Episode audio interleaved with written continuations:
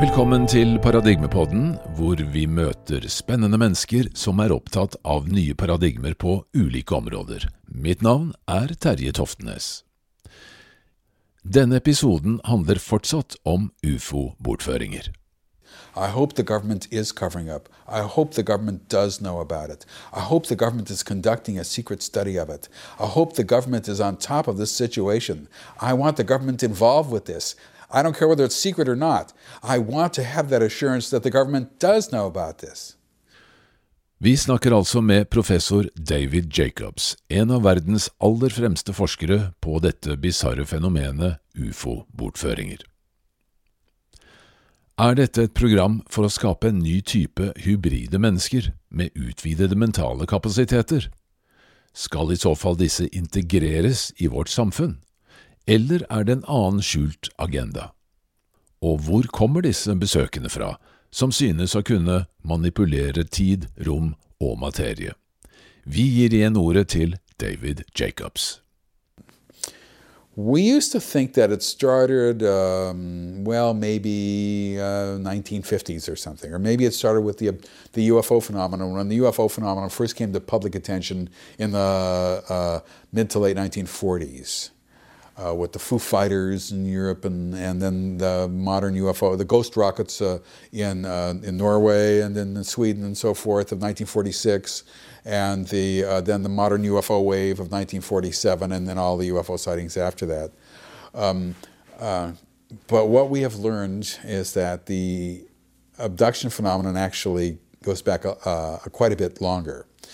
it is impossible to tell how far back it goes. We cannot tell that. It is an impossibility.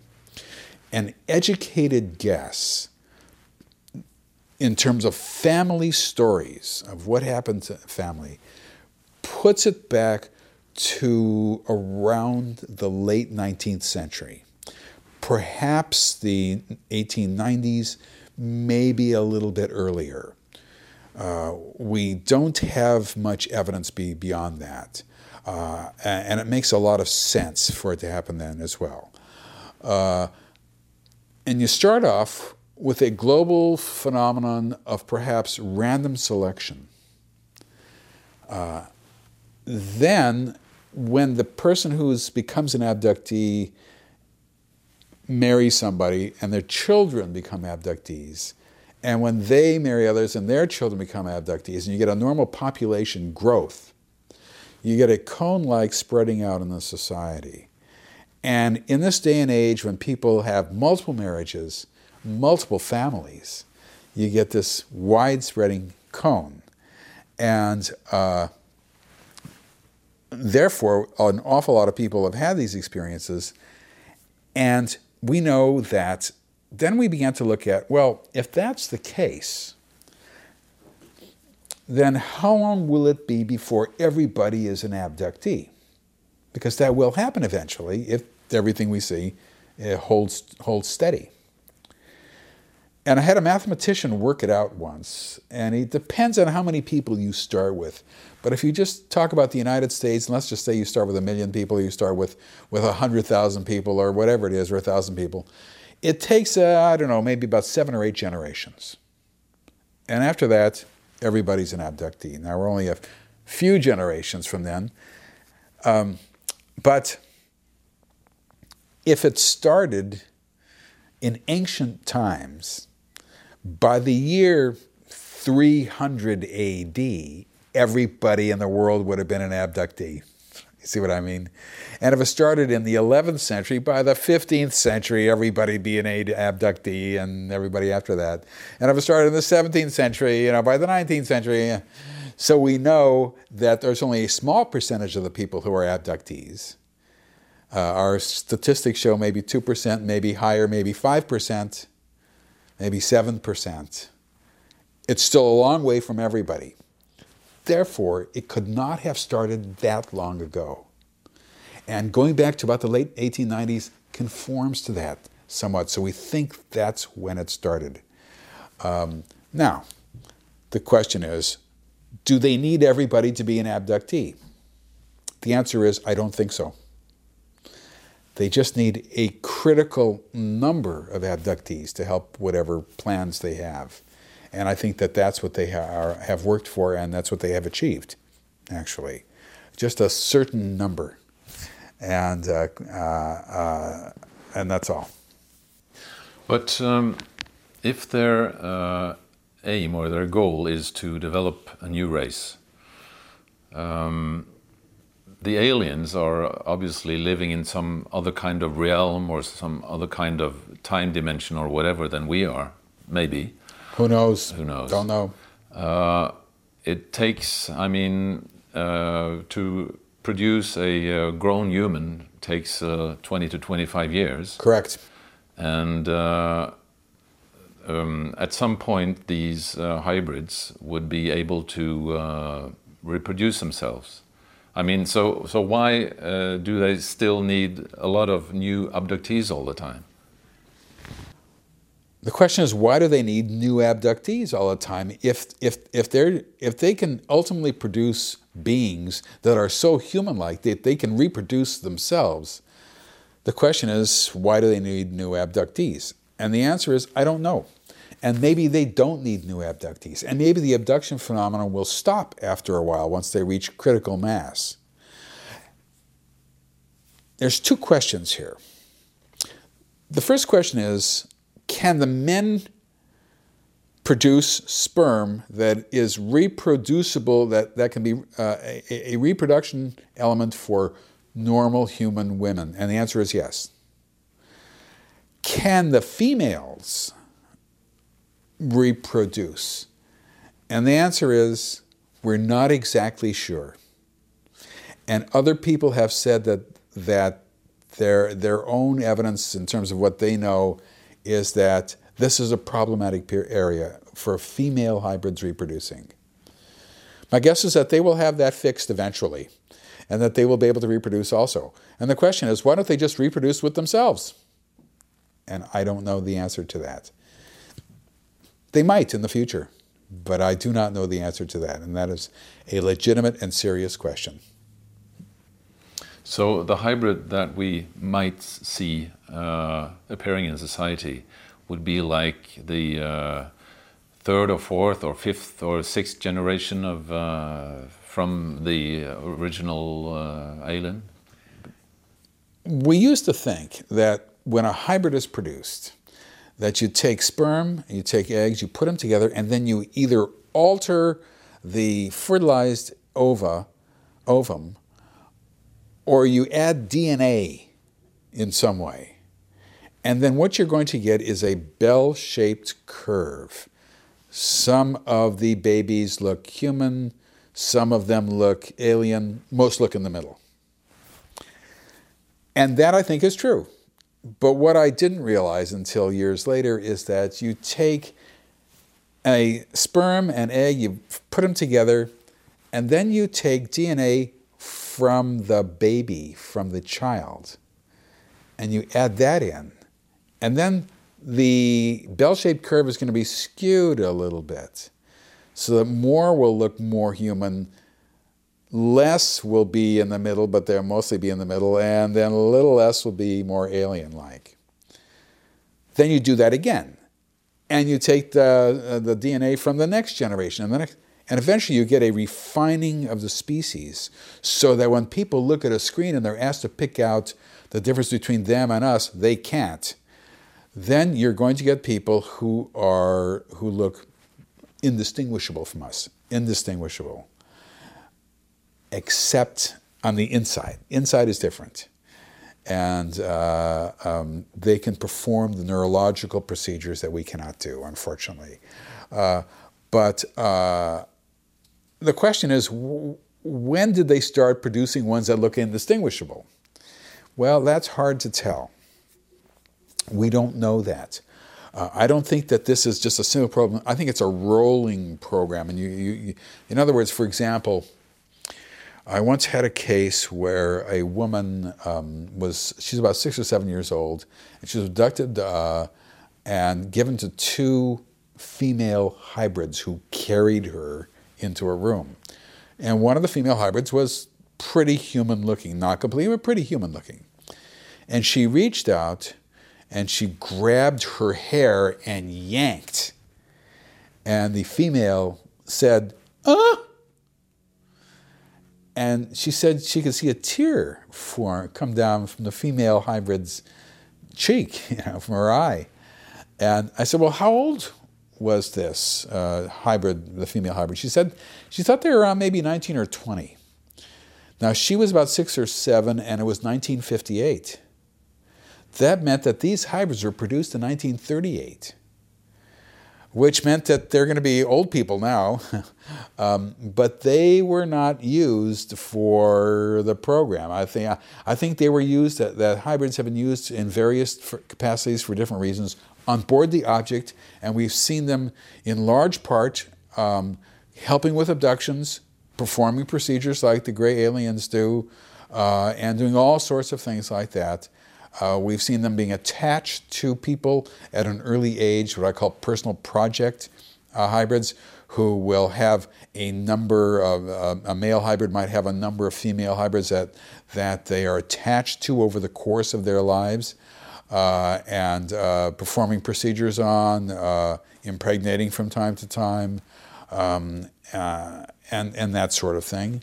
Um, when a fetus is inserted or when they are impregnated, it is removed around the 10th or 11th week before they will show, before women will begin to, to show that the uh, outward appearance of being preg- pregnant.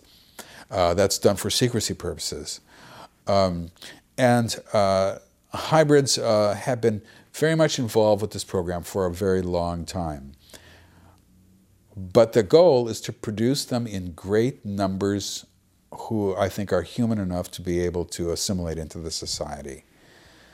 So I think ultimately we're looking at a situation that is, in my opinion, catastrophic. I see this as a catastrophic situation. I see this as a situation that is so awful I cannot even begin to think about the consequences of it. Uh, I am not happy for the future.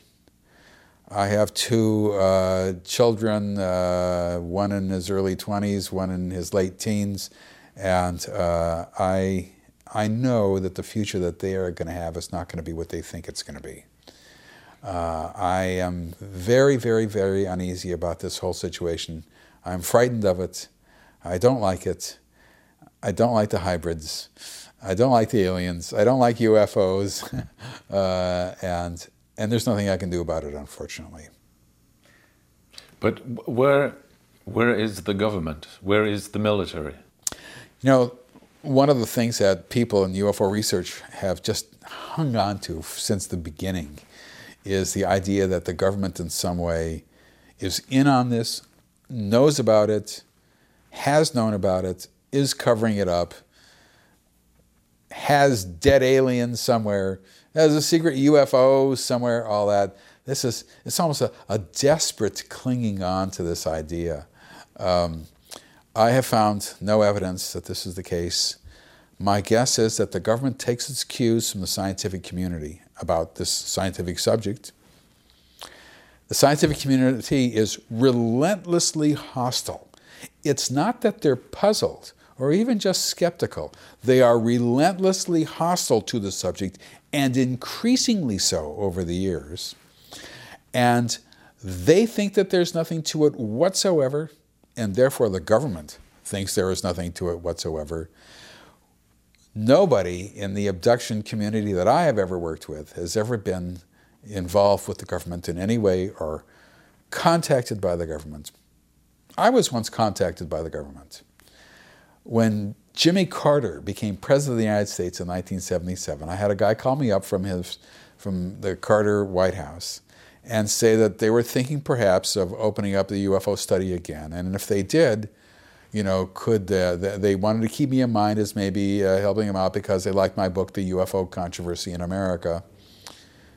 And that was the last I ever heard because they never did open it up, and that was that. But they uh, they were looking for help, basically. Now, if they knew about the phenomenon, if they knew about the subject, they wouldn't be looking for help. They'd already, they'd already know. Um, and uh, you can't prove a negative. Maybe the government does know. All I know is that government help is not forthcoming. There's no funding from the government for study of this. There's no studies going on that we know of. Everything we have learned about the abduction phenomenon and almost everything that we have learned about the UFO phenomenon has come from private sources, individuals working on their own to, to uncover the mystery. Uh, my guess is if the government was interested in this subject, they would be debriefing abductees 24 hours a day, trying to prepare for what is coming, trying to learn about it. My guess is that would happen. We have no evidence that that is happening. And as long as there's no evidence, I can't say it is happening. And maybe it is, but I haven't found the evidence. Uh, I'm not a big conspiratorialist. I don't believe in government cover up, uh, although the government has covered up certain aspects of their study of the subject over the years. That is true, uh, particularly in the 1950s. But I don't see any government involvement uh, in this day and age on, on the subject. And uh, this is when we need it most. I, I, hope that the people who are involved with conspiracy theories about the government, I hope they're right. Uh, it is my fondest wish and dream that they are right. I hope the government is covering up. I hope the government does know about it. I hope the government is conducting a secret study of it. I hope the government is on top of this situation. I want the government involved with this. I don't care whether it's secret or not. I want to have that assurance that the government does know about this. I wish that's true. I want that to be true. I haven't found any evidence for it, unfortunately. I hope I'm wrong. Why the secrecy, uh, the obvious secrecy from the aliens? I mean, with the superior technology as, as they uh, have, why, why, why are they keeping this so secret? Well, there's a lot of reasons for secrecy. The main reasons is that when a woman is impregnated, that is to say, when a fetus is inserted into her, right, an embryo rather is inserted, into her, she is walking around with the reason they are here the hybrid. She is on, she's loose. She's on her own recognizance. She is, uh, she can say, I don't like what's in, I think I'm pregnant. I'm going to go have an abortion immediately. She can say that and do it. That cannot be allowed. Her being pregnant must be kept secret from her. And it must be kept secret from everybody she associates with, too, like her boyfriend and all that, or her husband. So, what the woman will know is that she'll miss a period. And she might think she's pregnant. And she might go take an early pregnancy test, and it might show positive.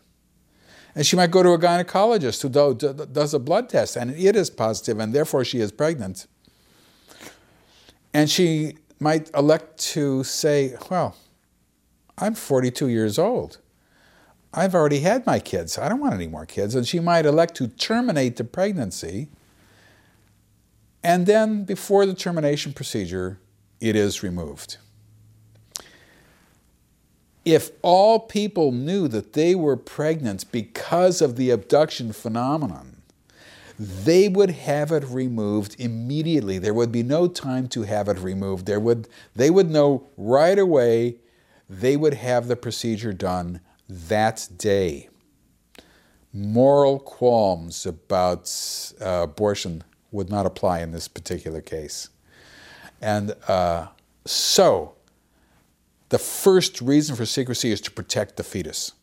Protection of the fetus, number one reason.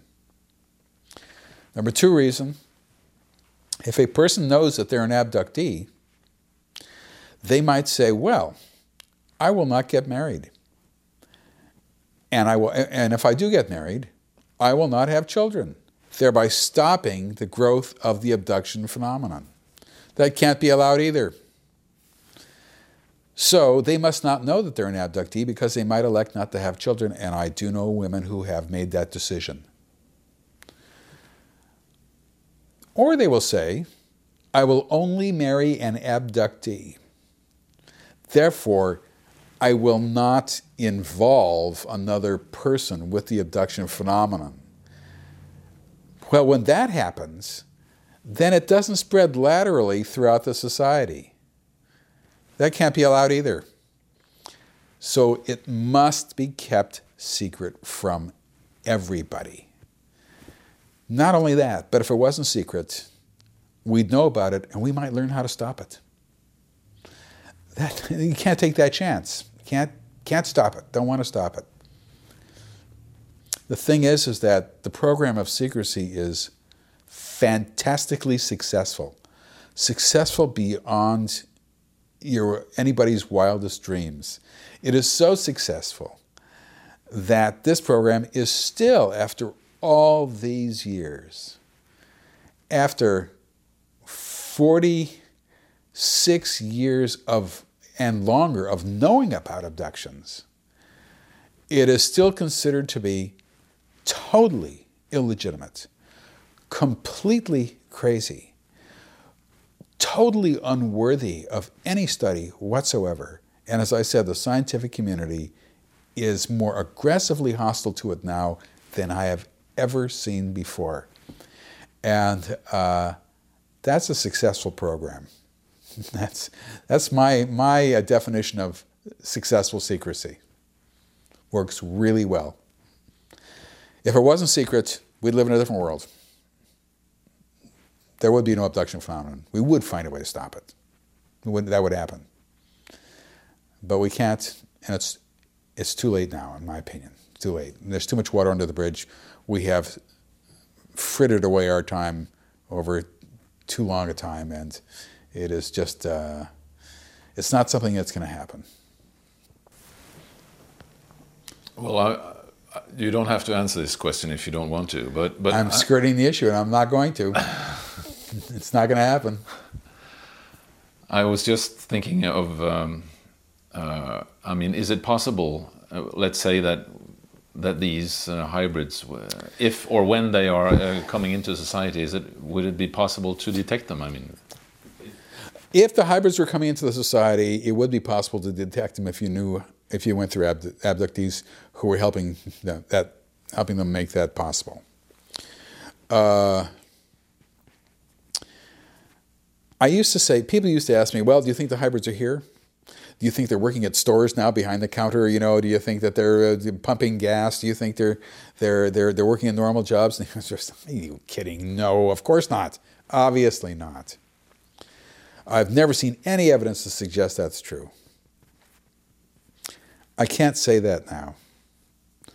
Uh, I can say, what I can say is there are people who think that this is true, and I have seen evidence to suggest it might be possible. Uh, I have to hold everything sort of uh, off to the side for a while, but I can't say no. I have to say yes, it's possible. It is possible, yes. I've never said that before in my life, and now I have to say yes, it is possible. Have any of these abductees ever um, been asking? I mean, I've been thinking for myself if I ever was abducted, I would have a million questions to ask these aliens. Uh, are, are the? I mean, have people tried to do that? And, no. and what kind of? Uh, once when a person is abducted, you would think that they would have a million questions to ask about where they come from, why they're here, what they're doing, all the rest of that thing, all the rest of that. And the answer is uh, when they're in the abduction scenario, they are rendered passive. Their brain is just put on neutral. They don't ask questions in general, although sometimes they will, but in general, they do not ask questions they don't resist and ask and and, and say, well, why, why should I do that or why should I do this? They don't they don't do that. But every once in a while, there will be discussions, usually with hybrids. Very, very rarely with the gray aliens. Very rarely, but usually with hybrids. And um, most of the times, questions aren't answered. They just don't even pay attention to the question. And if they do answer the question, oftentimes it's done in generalities. Every once in a while, we'll get substantive discussions that match other substantive discussions. You have to be very careful here because here's the problem. The problem is if all communication is telepathic And telepathy is defined by abductees as being receiving an impression in their minds that converts it into words so that they can understand what is being said to them. They know they have to get up on the table now.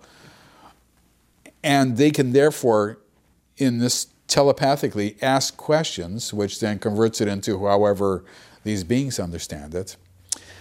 What is to prevent people from getting an impression in their mind from their own minds, thoughts that are going on in their own minds, and thinking it's coming from outside, and then thinking they're having a conversation with uh, an alien, and, uh, and they're not. They're having a conversation with themselves. What's to prevent that? And the answer is nothing. Happens all the time. If you are a competent hypnotist, you understand it's happening. You can tell right away incompetent hypnotists, people who don't know what they're doing, tend to accept this area of hypnosis at face value. It is a huge, dangerous area of confabulation, and that is recounting alien dialogue. They tend, people will say things that aliens are not saying and tell me they're telling me this all the time. And they aren't telling them that incompetent hypnotists have all this transcripts of, of, of, conversations, and I look at that stuff and I realize this does not match anything that I have ever learned or known, and you know right away that this is confabulation. There's a, usually a religious component to it and all that, and that, uh, that, that is not part of the abduction phenomenon. And you know that's coming out of the person's own mind. So you have to be very, very careful but you can separate out the two. It, it can be done, and it's, it, it takes experience, but it can be done. And so we do have substantive conversations every once in a while. And it gives us a little bit of an insight into the life of abductees, uh, I'm sorry, life of hybrids, and but not a whole lot of insight into the life of aliens, of the gray aliens. We know far more about hybrids than we do about gray aliens. One of the things we don't know, for example, which is interesting, is we don't know where they're from. Now, when people make up stories about aliens, science fiction writers, movies, whatever, when the alien appears, in the old days, in the 50s and 60s, they would say, My name is Thor or whatever. I come in peace from the planet Vortek. And the reason we come here is because you've been b- exploding too many atomic bombs. This is all 1950 stuff. But we knew who, what their name was, where they were from, why they were here, etc., etc., right away. Uh, and even in later science fiction films, we would, we, we would learn something like that. It would take place in the future. They're on a different planet or whatever. They pick something up on a planet. They brought it back in the spaceship, and then the entire movie takes place of trying to find it and it's killing and all. You know, standard science fiction movie. Um, with this phenomenon, we do not know where they're from. Never learned. Never, ever learned. Uh, it is possible that they are from another dimension. There's no evidence for that at all. The chances of them being time travelers are exceptionally remote. There are, there are heavy, heavy arguments against that. When asked, Where are you from? they'll say, You see up there, you see that, that star up there. Well, look to the right a little bit, I'll look down, and that's where we're sort of in that area. That's where we're from. In other words, they tend to say we're from an actual place, as opposed to another dimension or a parallel universe or something like that. Um, but the problem is that there's an awful lot of stars up there, trillions. Many of those stars, if not most, have planetary systems around them. Of those stars, an awful lot of them have names and numbers, maybe thousands. they may come from a place that even has a name and a number that they may not know how we've done the notation.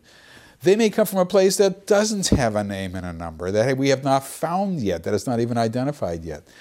It may be impossible for them to say where they are from, even if they wanted to. And we do not know where they're from. If this were psychological, we'd know where they were from. People would just make it up, making up everything else. We'd know it. We'd have a whole list of places people would say they were from. And if anybody ever presents to you a list of places where they're from, you know automatically that is confabulation. I just wonder, um, with this, they obviously have, I mean, uh, superior technology. Uh, the technology of making themselves invisible, the technology of uh, freezing people who are uh, in the room when the abductee is taken, the technology of uh, of um, making people invisible and etc etc. So this is obviously something that is uh, a physical reality. I mean, it's obviously a te technology that we, in some time of development, if uh, things go the way that we think, uh, might also adapt. You know, uh, so um, with this uh, indication of a superior technology, it would, to me, it would be so uh, evident that this would interest um, almost every physician or every scientist on earth if they came across the possibility of this being true. And again, maybe it's a naive question and maybe you've already answered it. Why don't why doesn't that happen? Well, when we first began to learn about this subject, we expected to see an advanced technology. We expected to see a technology maybe hundreds of years, maybe a 100 years, uh, that's all in advance of ours, maybe a thousand years, we didn't know. But if they could get here from there, wherever there was, whether it was another dimension or another parallel universe or a star or whatever it was, then they had to have an advanced technology automatically. And we knew it had to be very advanced because our technology is very young. We date the electronics industry basically from World War II. When you get into the mid 19th century, you're looking at steam engine technology. There's not, not much te technological. When you get just 100, 100 years, uh, uh, 150 years ago, 160 years ago, you're looking at almost no technology. Uh, so it's our technology has just begun. In cosmic time, we're in its infancy. So if another planet evolved that had technology, it would be very advanced automatically because the chances of it being right at our level, right at the same crack where we are just beginning, would be probably small. And if they were just a little bit behind us, and our technology was just a little bit more advanced than, our, than theirs, they would have no technology whatsoever. There would, they would have none. So it's advanced or none, basically. Um, and in fact, what we began to see when we began to, began to look into the subject was there was an advanced technology here. It was very advanced. People said that they were going directly through closed windows, through walls, through ceilings, and into a UFO. How this can be done, I do not know. If this were psychological, people wouldn't say that because it makes them sound crazy. If they were inventing something psychologically, they'd say, we went out the front door, opened it up, walked out. There was a, a, ship out there, and we went into it. See, that's what they would say. If they say they're going out the closed window, it makes them sound crazy. So, but they all say that, all of them. That's the thing. They all say that. Uh, and they say they go through walls, and they say they go through ceilings, and all the rest of that. Well, we sort of expected okay, this is advanced technology. What we didn't expect, what just took us totally by surprise, I mean, completely by surprise, never expected it, was an advanced biotechnology. Their ability, their knowledge of human physiology, anatomy, and especially neurology. That we did not expect. Their ability to control humans from a distance. So if a person knows that something is happening, they're feeling paralyzed, there's nobody even in the room yet. They still can't get up, and then these beings come in, and you know that they're being controlled from I don't know if it's a matter of feet, but it is a distance. And the point is that that was something we had no, no expectations of at all, never even occurred to us. And that turns out to be the critical event because that is the controller. That's the ability to control us. Now, that is so off the wall. It is so outside of the ordinary. It is so non linear for our technology that it has attracted no interest whatsoever by the scientific community. None. Zero. I once asked a neurologist if it is possible to use the optic nerve is a conduit to innervate other neural pathways throughout the brain. And he said, yes, that was possible. It never even occurred to him to think of that. But he, he said, well, maybe that, that is. Yeah, you know, that is possible. Uh, but nobody has ever, no neurologist has ever looked into this subject enough to, the, to ask me questions about, well, how exactly is this done? What is the procedure that they're using? How close are they? Uh, what happens if a person has diabetes and, and, and has retinopathy, which has happened for, in some abductees? No scientist is, is interested in this subject on any level, even if it's a pure technological level. There's no interest because everybody absolutely knows in the absolute core of their being that this is a psychological phenomenon. And the only person who'd ever be interested in it would be a psychologist or mainly a psychiatrist, and they're not interested in it. There's no interest in this subject that is so has has been happening with such enormity around the world in a subject that is so recognizable, that is in a subject that is so uh, that, that everybody knows about around the world, and that is to say, the subject of UFOs. It's known in every country in the world, and yet there are still there are less scientists today who are interested in the subject than there ever have been since the, ni- the early ni- since the late 1940s. Uh, it's an awful situation. It's terrible. It's extremely frustrating. We can't get people to be interested in it.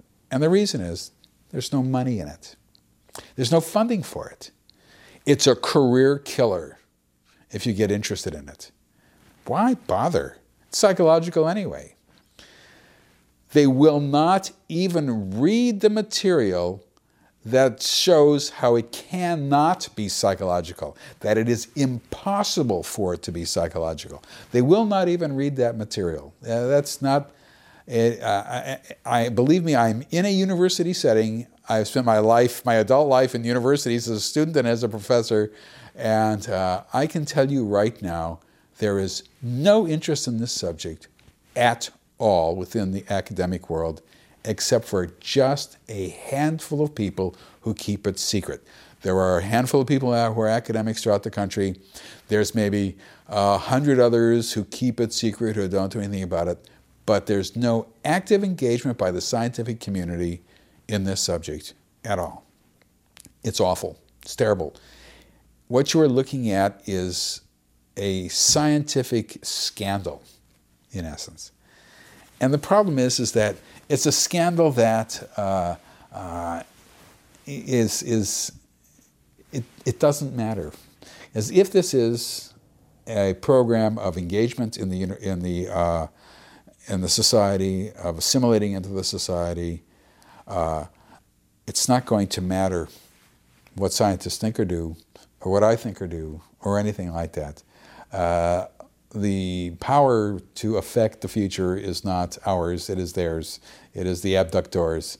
And so, right now, there's no way we can stop this that I can think of. There's a lot of people out there who are smarter than me. Maybe they can think of a way to stop it. But as long as we do not know who 99.9% of the abductees are, there's no way that we can stop this. The first thing we have to do is we have to identify every single abductee in the United States that, or in the world, and that's not going to happen. And then we'd have to have, find a way to prevent abductions for them and keep them under sort of surveillance for a while. And none of that's going to happen. The, these are, I'm just thinking off the top of my head, nothing like that is going to happen. things are out of our control at this point. I think if people, if the scientific community had paid attention to this in the 1950s and the 1960s, and taken it much more seriously, and then taken the abduction phenomenon seriously when it began to come about, we might be in a different, I, I would be able to say different things, we might be in a different status. Uh, we might have made movement towards protecting ourselves. I don't think that that is, uh, that that will happen now. I think that uh, it's too late. I think it's too late now, unfortunately. Um, with the um, ability to do like mind scanning and stuff, uh, would you uh, believe that they are able to read people's minds like they are able to read your mind and my mind at this moment? Are they aware of this conversation, do you think? No. Uh, the, the question is what is the limits of their technology? Do they have limits? And the answer is yes, they do have limits. When it comes to neural engagements, and therefore being able to tap into thought processes that we're having. Uh, is there a difference from being to being? In other words, can the gray aliens do it at the same depth and level and efficiency as the insect-like ones doing do it? Can the hybrids do it at the same? And the answer is we do see a gradation in um, the, their efficiency. The ones who do it the best by far, by far, are the gray alien. I, am sorry, are the insect-like ones who are the ones who are sort of in control of everything from what we can tell. With decreasing power, we see sort of the uh, reptilian ones, and then we see the gray aliens, and we see the smaller uh, aliens. Then we see hybrids. Hybrids who look quite alien have more powers to do that than aliens that look quite human and aliens who look really human have much less ability to do that. So we see a watering down, but they can still do it anyway. They can still do it. That's the point. And uh, they can still control people, render them passive. Uh, they can't, however, know everything that is going on in a person's mind. And we have had abductees who have learned to resist and can, in fact, uh, resist them finding out conversations that they've had and resist them finding out things that they've thought uh, with relative degrees of, uh, of success, but still they have learned to, to, to be able to do that. So they are not all powerful. They are not, uh, their, their, their power is not limitless. There are limits to it. They can, they can uh, um, control people from afar, but is it a distance of a million miles, or a distance of a mile, or a distance of 30 feet? My tendency is, is to think it's more a distance of feet than miles. Um, so we do see limits to them. Uh, but that's cold comfort, as they say. Uh, the, the, the, bottom line is, is, that we can't do any of it. Uh, we can't even say that we have limited powers in those directions. We don't and uh, that still puts us in second class citizenship uh, in the future, unfortunately. Uh, but it's, uh, I just wish that I could have a group of neurologists around me or, or other scientists who are interested in the subject. There is no field that covers this. Have, there's a learning curve. They have to go back and start to learn about the subject. Nobody's going to, they don't take the time to do that. Um, uh, at first, we used to think when, when, the abduct, when UFOs first began that we needed to have astronomers. Astronomers are going to be help, help us. Uh, they had limited help, very limited. Um, then we thought, well, physics, physicists, we, we need all the physicists we can get because look at the physics, the way the UFOs fly, they do this, they do that. They had limited help as well. When the abduction phenomena began, we used to think, well, psychologists, we need to have psychiatrists, psychologists brought in on this one. They had no help then set to say that people were normal. Uh, then we thought, well, I thought, well, we need uh, physiologists. We need people who are, who are, who are physiologists because there's all this uh, physiological stuff. Then gynecologists, gynecolo- gynecologists and, and urologists and, and people who understood uh, sexual function. That's, that's, that's what we need. That's, that's, now I know we need neurologists. It's the neurologists that we need first and foremost. that is the bottom line for me. I don't. I haven't gone any way past neurology. What we need is people who can prevent abductees from having themselves controlled or prevent anybody from having themselves controlled. There's one guy uh, who, who's working on the subject. Uh, he's a, a, really nice guy, and he's been building helmets with various inserts in them, some sort of polyurethane or, or a metallic insert, some way he, he thinks will block uh, um, um, you know, the ability to do, do telepathy and all that. And people laugh at him, and he wears these sort of stupid looking helmets on the internet, and he, he looks he's on the right track. He's on the right track. He's the only one, and he's on the right track. I think he's wrong in almost everything he's doing, but he's on the right track. What we need is neurologists or neurobiologists to tell us about brain waves. And we know that you can attach electrodes to a person's head and you can measure the alpha and the beta and the theta and the, uh, you know the different the delta brain waves. But the question is, if you put the electrodes on their skull, you could, but if you lift the electrodes up a little bit, will you still be able to measure the brain waves? In other words, how far outside of the skull do the brain waves go? At what point can you measure them still? And which waves are. We don't know any of that. And that's what we need to find out. How far do brain waves extend? How can we, can we alter them in some way? Can we, can we affect the ability for brain waves to go into the brain from someone else? Can we affect that in some way? Can we affect, you know, I don't know any of this. I need to have neurologists to answer this. I need to have experiments run. That's not, it's not going to happen. It's not going to happen. That's a, these are doable things that, that, that, that might bring us some interesting results. There's Michael Persinger who works at the University of, uh, it's uh, at um, uh, Laurentian University in Sudbury, uh, in Ontario, Canada.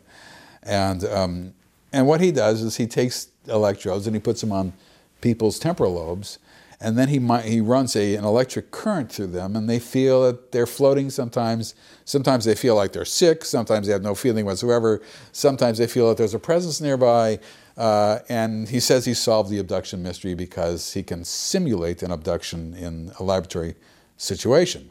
Well, what he's simulating is the fact that they, that they sense a presence and they sense that they're floating. Sometimes, not everybody, but once in a while, they'll get that. Everything else that I've ever talked about in abductions, books written about it, he doesn't simulate. That, that's, that he just ignores. Uh, and he's gone forward and he said he solved it because he can do this. But he is also onto the right track, although he doesn't realize it, because at least he's doing brainwave technology, and that's, that's what we need to know about. That is what we need to know about. That's what we have to, that's where interest has to, has to focus in on. Uh, right now, there's nobody in the world who's doing this. Just a closing question then, because I think uh, you have given me so much uh, extremely interesting information. But if we leave early enough, I'll drive you to the airport and drive you and and come back. I got to be back by six. I told her to call on at six. You know. Well, that's very kind of you. I mean, I can take a taxi. Yeah, you don't want to spend that money. well, thank you so much. That's very kind of you.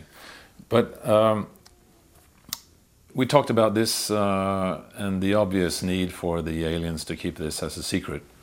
and um, you have been. Uh, or are still one of the persons on uh, the planet that are trying to re reveal this and to, to uh, not keeping it as a secret. Have, have they ever tried to stop you from that? From what I can tell, uh, for most people, the answer is no. And for some people, they have indicated to me that the abductors are extremely displeased with, with any breach of secrecy and I am the breach. Uh, when they tell me uh, I am the person who who knows and and shouldn't know because I'm the person who broadcasts this, who talks about it.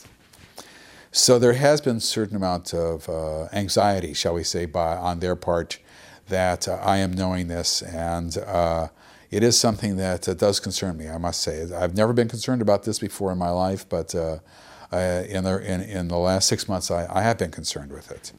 And, uh, but it has slowed me down, but it has not stopped me. Age has slowed me down too. Uh, I have one more book to write, at least one more, one more in, book that will really, really, really advance our knowledge of this subject and will build on, on my other two books about the subject, The Threat and Secret Life, so that you can see a continuum all the way through. Uh, and um, once I do that, I think at that point that it's not going to matter what I know anymore. Uh, I think that I will, I don't know if I'll publish anymore after that. Uh, this will be my major, major work on the subject. Um, although everything I said in that book, The Threat, is pretty good. It's not bad, I gotta admit. I, am I'm, I'm still proud of that book, even though it's coming on to uh, almost uh, 10 years old. Uh, next year it'll be 10 years old. Uh, there's very little in that book that I would go back on. But um, how many copies have you sold of that book? Not as many as I want. I'm not sure. Uh, the problem with that book was uh, it came out in 90, I guess it was 97. And I, they, they, Simon & Schuster organized a book tour for me. It was a, sh- a, small book tour, but it was a book tour. And book tours tend to build on other uh, media outlets hear about it, they want to interview you, and so it builds. But after a week on the book tour, the Monica Lewinsky scandal broke.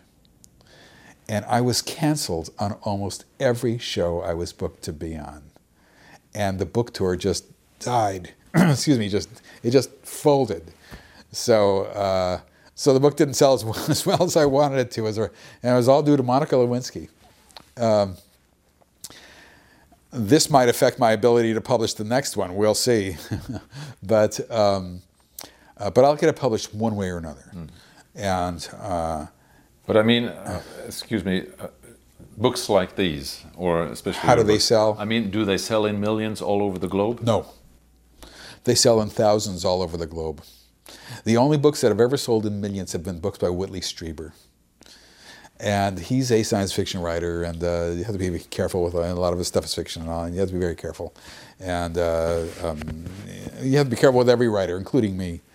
Uh, but um, uh, but he's a professional writer, and, and, and he's had he's had uh, movies made of his books and that sort of thing, and so he's the only one. Nobody has sold millions otherwise. I only wish that were true.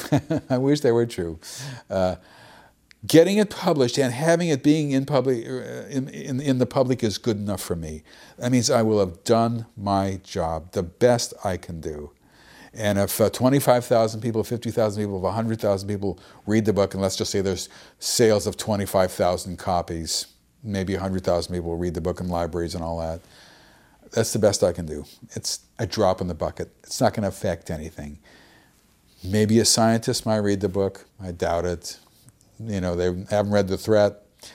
Now, I have to admit, The Threat is a daunting title. It was not my title originally, it was a publisher's title. And The Threat sounds very, very sensational, and uh, uh, it's not a book that you just pick up and start to read because the title drew you in for a scientist. Uh, but uh, I did not have control over the title. It was not in my contract. So uh, that's, that's the title I, I had. I've now come to appreciate the title. I do see this phenomenon as a threat. I didn't so much see it as a threat at the time. I do see it as a threat now. I mean, I saw it as a threat then, but not as much as I do now. And I see myself as a little bit of a threat to them as well. And, uh, but I think that my next book is just going to be called, and I don't know, I don't have a title for it, but it'll be something about hybrids. Maybe just hybrids or the hybrids or something like that, because that's what the focus is going of the book is going to be on. It's going to be on the hybrids. It's not going to be on the abductees so much as it's going to be on the hybrids themselves. And we know a tremendous amount about them now. So we'll see. Well, thank you so much. Uh, my pleasure. Stor takk til David Jacobs for å ha delt sine innsikter og tanker om dette vanvittige og kanskje også skremmende tema. Det er nå 13 år siden intervjuet ble gjort, og så vidt meg bekjent har ikke hans spådommer ennå gått i oppfyllelse. Det er mange andre innenfor ufologien som nå hevder at denne aktiviteten er avsluttet, og at hensikten ikke har vært å integrere nye raser i vårt samfunn. Men hvem vet? Vil du vite mer om dette, anbefaler jeg sterkt bøkene til David Jacobs. Den siste kom ut i 2015 og heter Walking Among Us. Bøkene kan selvfølgelig fås på Amazon, men også fra hans nettside davidmichaeljacobs.com. I neste episode skal vi høre en førstehåndsskildring fra en som hevder å ha blitt hentet inn i en ufo. Hva hun opplevde der, og hvordan det har preget hennes liv, ja, det blir en spennende fortelling. Da vil jeg bare avslutte igjen med å minne om vårt VIPS-nummer, som er 524 005, 524 005, for de som ønsker å støtte oss videre. Og tusen takk til alle dere som allerede har gjort det. Så da sier jeg bare på gjenhør i neste episode av Paradigmepodden.